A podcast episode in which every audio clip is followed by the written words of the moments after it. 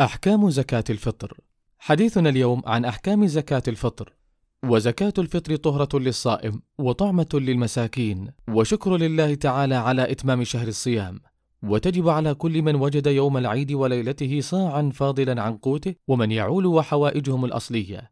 فعن عبد الله بن عمر رضي الله عنهما قال فرض رسول الله صلى الله عليه وسلم زكاة الفطر صاعا من تمر أو صاعا من شعير على العبد والحر والذكر والأنثى والصغير والكبير من المسلمين. متفق عليه. ومقدارها صاع من غالب قوت البلد.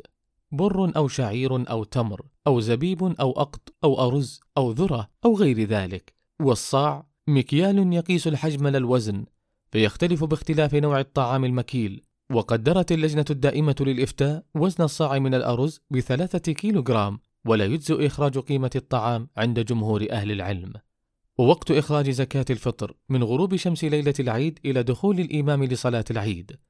ويجوز إخراجها قبل يوم أو يومين أي بعد غروب يوم 28 ومن لم يخرجها في وقتها وجب عليه إخراجها قضاء وإن كان التأخير بلا عذر شرعي فعليه إخراجها مع التوبة والاستغفار. والأصل أن زكاة الفطر تخرج في البلد الذي يقيم فيه المزكي. إلا إن كان هناك مصلحة شرعية لنقلها خارج بلد إقامته كعدم وجود فقراء مثلا في بلد إقامته أو نقلها لمن هم أشد حاجة أو لأقاربه الفقراء وإن نقلها بغير مصلحة أجزأته مع التحريم أو الكراهة. اللهم اكفنا بحلالك عن حرامك وأغننا بفضلك عمن سواك. نكتفي بهذا القدر ونتحدث في اللقاء القادم بمشيئة الله عن الركن الرابع من أركان الإسلام وهو الصيام.